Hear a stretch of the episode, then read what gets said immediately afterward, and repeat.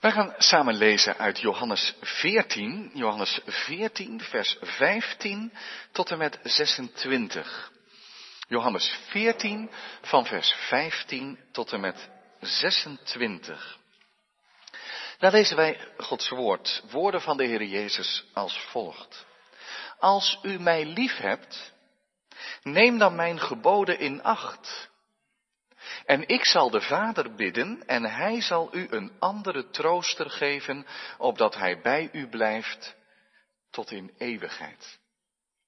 Namelijk de geest van de waarheid, die de wereld niet kan ontvangen, want zij ziet hem niet en zij kent hem niet, maar u kent hem, want hij blijft bij u en zal in u zijn.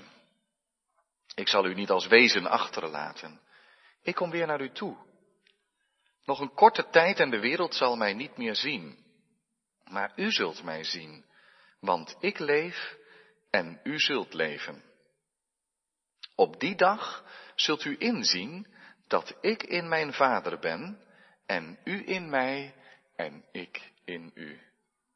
Wie mijn geboden heeft en die in acht neemt, die is het die mij lief heeft.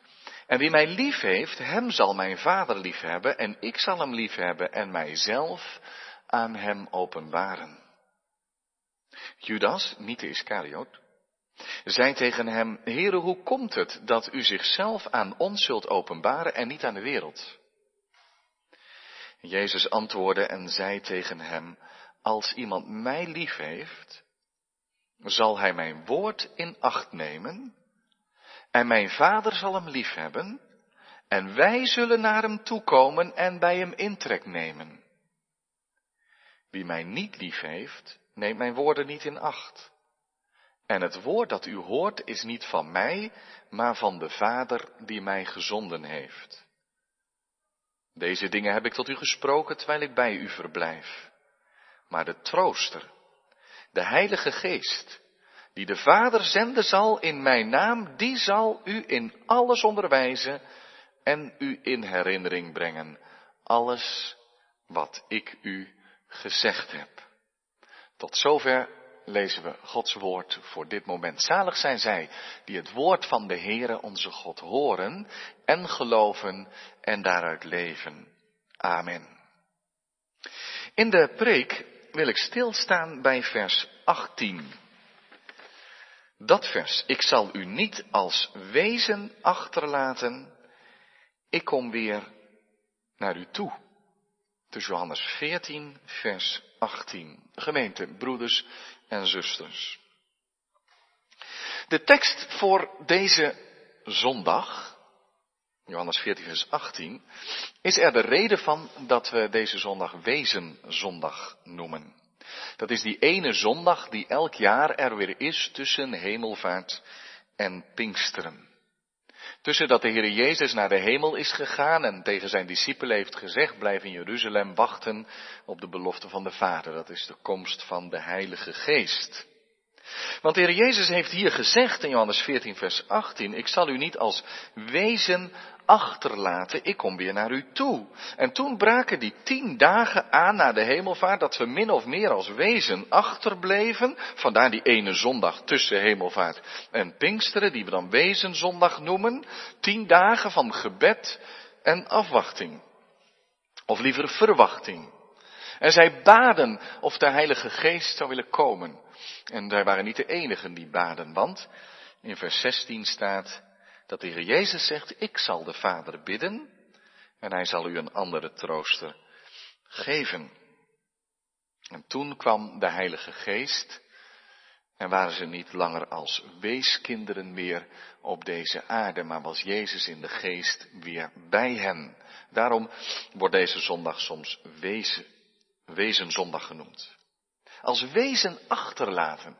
Dat is wel heel sterk uitgedrukt. Wat moet het erg zijn om al jong wees te worden? Een wees ben je als beide ouders sterven, terwijl je ze als kind nog zo nodig hebt. Je kunt hen niet missen. Natuurlijk is het zo dat als je ouder wordt, dat het kan gebeuren, dat het ook zal gebeuren. De meesten maken dat mee, dat je je ouders verliest en Dat je dan als het ware vooraan staat, hè? ook richting het sterven hier op aarde. Maar het woord wees reserveren we toch vooral voor, uh, ja, voor, voor kinderen die hun ouders moeten missen. Wat een verdriet. Wat een kwetsbaarheid. Soms denk je daar als ouders over na, u niet? Wij wel eens. Maar, maar dat is tegelijk moeilijk. Moet je dingen van tevoren regelen? Hoe denk je daarover na? Hoe zou het dan verder moeten? En dan bid je maar, Heer, verhoed het. Want onze kinderen hebben hun ouders nodig. Wat moet het erg zijn om wees te worden? In de tijd van de Bijbel kwam daar naast het gemis van liefde en zorg van vader en moeder ook nog eens bij dat je sociaal heel kwetsbaar was. Wie moest er voor je zorgen? Als iemand aan je rechter kwam, wie zou er dan voor je opkomen? En daarom zien we in de Bijbel zo vaak dat um, de Heere God opkomt voor weduwen en wezen. Die twee worden heel vaak in één adem genoemd als zeer kwetsbaren, vaak ook arm en rechteloos. Het is niet voor niets dat Jacobus in zijn eerste hoofdstuk, als hij echt gaat uitleggen, wat is het nou, wat betekent het nou echt om christen te zijn, dat natuurlijk ook spreekt over de leer en over het geloof, maar we, kennen Jacobus natuurlijk ook als iemand die zegt, laat maar zien in je leven dat je gelooft. En dan zegt hij, weet je wat echt christen zijn is? Dat is dat je weduwen en wezen bezoekt in een verdrukking. Want dat ervaren ze vaak, verdrukking. Nou, daar denkt de Heer Jezus natuurlijk ook aan als hij het hier over wezen heeft. We gaan erbij stilstaan onder het thema, Hij heeft ons niet achtergelaten, Hij is bij ons. Want de discipelen hebben dat bange gevoel zeker gehad. Daarom moet de Heer Jezus hen ook zoveel onderwijs en zoveel troost bieden in deze hoofdstukken uit het Johannesevangelie, Johannes 14 tot en met 16. Ze hebben dat bange gevoel gehad, want Jezus begint over zijn afscheid te spreken. En als ze iets weten, dan is het wel dat ze daar niet klaar voor zijn. Ze zijn niet volleerd. Ze zitten nog net drie jaar op school, op school bij de Heer Jezus. Maar ze hebben het gevoel alsof ze er nog geen grip op hebben. Ze weten nog zo weinig. En juist in dit, deze fase, zo vlak voor het lijden en sterven van de Heer Jezus, gaat hij met steeds meer nadruk spreken over zijn lijdensweg. En ze snappen er steeds minder van. En dan zegt Jezus, ja, dan moet ik weggaan. Dan moeten we afscheid nemen. En dan zeggen ze, wij zijn daar helemaal niet aan toe. We kunnen Jezus niet missen. Wat zijn wij nou zonder de Heer Jezus? Dan zijn wij net zo kwetsbaar als weeskinderen. In die tijd werd het ook zo gezegd. Als een rabbi discipelen had, en dat gebeurde heel veel, dat je echt, net zoals de discipelen bij de Heer Jezus, de meester, dat je dan bij een rabbi een meester was en je ging helemaal met hem mee, dat was je hoop en je verwachting, je kreeg onderwijs van hem. En als die nou plotseling kwam te overlijden, dan spraken ze wel eens over de leerlingen van die rabbi als wezen, weeskinderen. Nou, wat moesten ze dan? Ze waren bij hem in de leer. Hoe moest het nu verder? Nu, de Heer Jezus heeft gezegd dat hij hen verlaten zal, maar hij zegt, je hoeft niet bang te zijn. Je hoeft niet bang te zijn dat ik je in de steek laat, of dat je er straks alleen voor staat. Want, zegt hij, ik kom zelf weer naar jullie toe. Kijk maar in vers 18, ik zal u niet als wezen achterlaten, want ik kom weer naar u toe. En dan zegt hij in vers 19, een korte tijd zal de wereld mij niet meer zien, maar u zult mij zien, want ik leef en u zult leven. Dus ik ben er even niet, je zult me even niet zien, maar dan ben ik er weer, want dan kom ik weer naar jullie toe. Nu is natuurlijk een belangrijke vraag, wat bedoelt de Heer Jezus daar nu mee? Als hij zegt, ik kom weer naar jullie toe. Wat bedoelt hij dan met die korte tijd dat hij er even niet is? Er zijn er wel, die gezegd hebben, ja, dat moet wel over de wederkomst van de Heer Jezus gaan. Want daar heeft hij toch ook in het derde vers over gesproken van Johannes 14. Daar staat, als ik heen gegaan ben en plaats voor u gereed gemaakt heb, kom ik terug en zal u tot mij nemen, opdat u ook zult zijn waar ik ben. Dus dat is de wederkomst van de Heer Jezus. Dan komt hij terug en dan neemt hij zijn gelovigen tot zich en brengt hij ze op die nieuwe hemel en de nieuwe aarde. En toch past die uitleg hier niet zo goed. Want dan zouden we eigenlijk nu nog steeds wezen zijn. Dan zou er niet ook één wezenzondag moeten zijn per jaar, zeg maar, om aan dat moment terug te denken tussen hemelvaart en Pinksteren. Dan zou je moeten zeggen, de kerk is altijd wees in de tijd dat Jezus er niet is en uiteindelijk zal hij weer terugkomen. En kijk eens naar vers 19. Daar staat nog een korte tijd en de wereld zal mij niet meer zien. Maar juist dan, als de wereld mij niet ziet, zult u mij wel zien, want ik leef en u zult leven. En als de Jezus terugkomt op de wolken van de hemel, zal iedereen hem zien. Dan zal de hele wereld hem zien en in het oordeel van hem komen. U zult mij dan wel zien. Dus het gaat hier niet om het komen van Jezus in de wederkomst. Anderen zeggen, ja, begin maar gewoon waar ze op dat moment staan. Want de Heer Jezus spreekt deze woorden nog voor zijn lijden en sterven. Heeft de Heer Jezus dat dan bedoeld? Dat hij een tijdje van hen weggenomen zou worden, namelijk hij zou gekruisigd worden en sterven. Hij zal in een graf gelegd worden en op de paasmorgen zullen ze een leeg graf vinden. Dan is hij er even niet, maar daarna zal hij verschijnen. Hij laat zich dan niet zien aan de wereld, maar hij laat zich wel zien aan zijn apostelen, aan zijn discipelen. Die brengt hij weer bij elkaar. Uh, Maria Magdalena, Simon Petrus en de elf anderen, inclusief Thomas uiteindelijk. Zo verschijnt hij aan hen, niet aan de wereld, wel aan jullie. En dat is een mooie gedachte en toch niet goed genoeg. Want de Heer Jezus spreekt in deze hoofdstukken juist over zijn afscheid, over zijn verheerlijking als hij weer naar de Vader gaat. En als hij zegt, ik leef, aan het einde van vers 19, en u zult leven, is dat een belofte die na Pasen natuurlijk heel rijk in vervulling gaat. Maar die blijft gelden na de opstanding, na de hemelvaart en vooral na Pinksteren. Als ze mogen leven, als alle gelovigen tot op de dag van vandaag toe mogen leven met een levende Heere. Ik leef en u zult leven.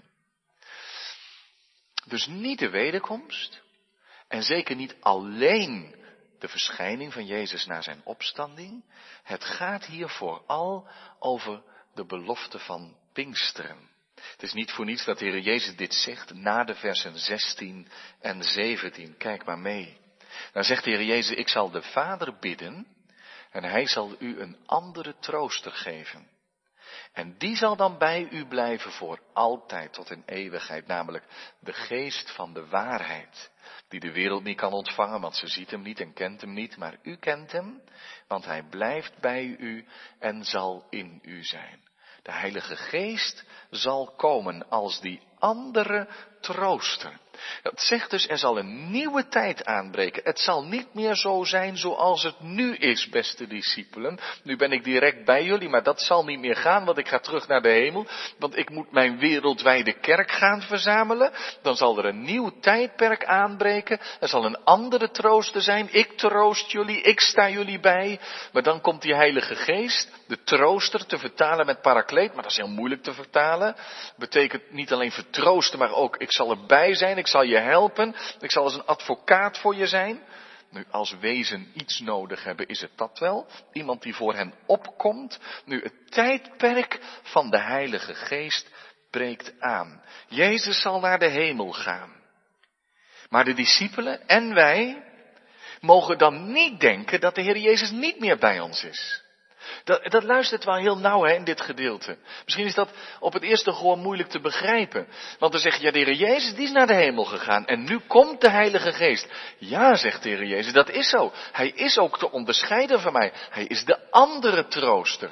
Maar nooit vergeten dat ik daar ook zelf bij ben. Ik zend mijn geest. En de geest en de Heer Jezus, dat zijn geen twee totaal verschillende. Dan gaat de Heilige Geest ervoor zorgen dat we in herinnering krijgen, staat in vers 26, alles wat Jezus heeft gezegd. Dan kom ik in de Heilige Geest ook zelf bij u. We moeten nooit denken dat de Heer Jezus naar de hemel is gegaan en dat hij vervolgens niet meer bij ons is. Dat hij dat heeft uitbesteed aan de Heilige Geest. Aan het slot van het Matthäus-evangelie bijvoorbeeld lezen we dat de Heer Jezus zegt, en zie ik ben met u, met u, alle dagen, tot aan de voleinding van de wereld. Dus als het tijdperk van de Heilige Geest aanbreekt, is Jezus niet de afwezige, dan is hij zelf erbij. En zoals de kinderen zo mooi zeiden in het kindermoment, dan woont hij in onze harten door de Heilige Geest. Dus als Jezus een andere trooster zendt, neemt hij zelf geen afscheid.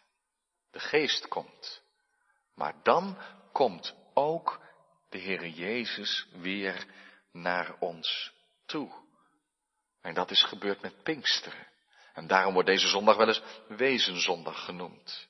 En dan zegt de Heer Jezus dus, ik ben dan op een heel nieuwe wijze bij jullie. Dan woon ik door de Heilige Geest in het hart van een ieder die in mij gelooft. Vandaar ook dat kinderlied. Ik moet weggaan, ik moet weggaan, maar tegelijk ik ben bij je. Ik ben bij je. En dan nog een keer naar vers 19. Dan staat er een korte tijd en de wereld zal mij niet meer zien, maar u zult mij zien. De wereld niet, want voor de wereld is Jezus dan weg. Dan zegt de wereld, de wereld wordt hier bedoeld met allen die niet in de Heer Jezus geloven. Die zeggen dan, ja, Jezus heeft wel geleefd, maar dat is passé. Dat is iemand uit het verleden geweest, kunnen op van leren misschien, maar dat is geweest, dat is klaar. Nu is hij er niet meer. De wereld ziet hem niet. Trouwens, even tussen twee haakjes, hoe is dat voor u? Is de Heer Jezus voor u enkel maar iemand uit het verleden? Waar je een hoop van kan leren, maar geen levende realiteit in uw leven. Daar moet het naartoe, dat mag je ook verwachten en daar mag je ook om bidden, leert dit Bijbelgedeelte ons. Kijk maar eens wat in vers 19 verder staat. Maar u zult mij zien, want ik leef en u zult leven. U zult mij wel zien. En dat zien moet je niet letterlijk opvatten. Over dat letterlijke zien heeft de Heer Jezus iets tegen Thomas gezegd. Toen heeft hij gezegd in Johannes 20, Vers 29, zalig ben je als je niet ziet en toch gelooft. En hier bedoelt de Heer Jezus, dan zie je op een andere manier. Niet letterlijk, we zeggen wel eens met ogen van geloof. Dat je echt zicht krijgt op de Heer Jezus Christus. Dat is ook een soort zien. In Hebreeën 2 wordt dat zo genoemd. Daar staat ergens, wij zien in deze wereld nog niet dat hij alle eer en heerlijkheid heeft ontvangen, dat hij daarmee gekroond is, dat zien we nog niet. Maar staat er dan opeens, wij zien Jezus met eer en heerlijkheid gekroond. Toch, hier op aarde zien we dat niet zo direct terug, maar in het geloof zien we dat hij alle macht heeft. Dat zicht hebben wij op de Heere Jezus Christus. Dat geloof hebben we diep in ons hart. Ja, wij weten dat, dat Jezus leeft. Eigenlijk zegt de Heer Jezus hier met dat hij zegt, u zult mij zien, u zult merken, u zult weten dat ik er ben. U zult mij kennen. U zult met mij omgaan. Ik zal blijken te zijn de levende Heer en u zult weten dat Jezus leeft. En ik denk dat het daar ook over gaat in vers 21. Wie mij geboden heeft en die in acht neemt, die is het die mij lief heeft. En dan, wie mij lief heeft, hem zal mijn vader liefhebben en ik zal hem liefhebben en mijzelf aan hem openbaren. Nog preciezer in vers 23, dan zullen wij naar hem toekomen en bij hem intrek nemen. Dat is wat die andere trooster gaat doen. Dat is het werk van de Heilige Geest. Maar dat staat nooit los van wie de Vader is en wie de Zoon is. Want de Vader en de Zoon samen komen dan intrek nemen in je hart en in je leven. Ik zal mijzelf aan hem openbaren. Dan zie je Jezus. Niet letterlijk, maar wel in het geloof. Hoe zal dat zijn? En dan komen we precies bij het moment of de plaats waar we hem het meest kunnen zien. Nou, denk nog eens aan de Heer Jezus, die aan het slot van het Matthäus-evangelie zegt, en zie, ik ben met u al de dagen ik ben met u. Maar dat heeft hij gezegd direct nadat hij gezegd heeft. Ga dan heen. Onderwijs alle volken. Maak het tot mijn discipelen. Doop hen in de naam van de Vader, de Zoon en de Heilige Geest en leer en onderhouden alles wat ik u geboden heb. En zie, ik ben met u. Die twee horen blijkbaar bij elkaar. Want als de Heilige Geest komt, we zullen daar met Pinksteren wel bij stilstaan, dan geeft Hij de stoot tot de zending. Hij zendt uit. Ze moesten wachten en dan gaat het grote beginnen. Dat ze de wereld ingaan met dat machtige evangelie van de Heer Jezus Christus. En dat de Heilige Geest dat kracht bij gaat zetten. Veel mensen komen tot bekering. Ze gaan heen om volken te onderwijzen en tot discipelen te maken. En te dopen in de naam van de Vader, de Zoon en de Heilige Geest. En dan zullen ze de Heer Jezus Christus als hun redder en Heere aanvaarden. En ze zullen zijn geboden leren. En dan zal precies gebeuren wat in vers 21 en 23 staat. Dan zullen ze Hem liefhebben. Maar de Vader en Jezus zullen Hem liefhebben.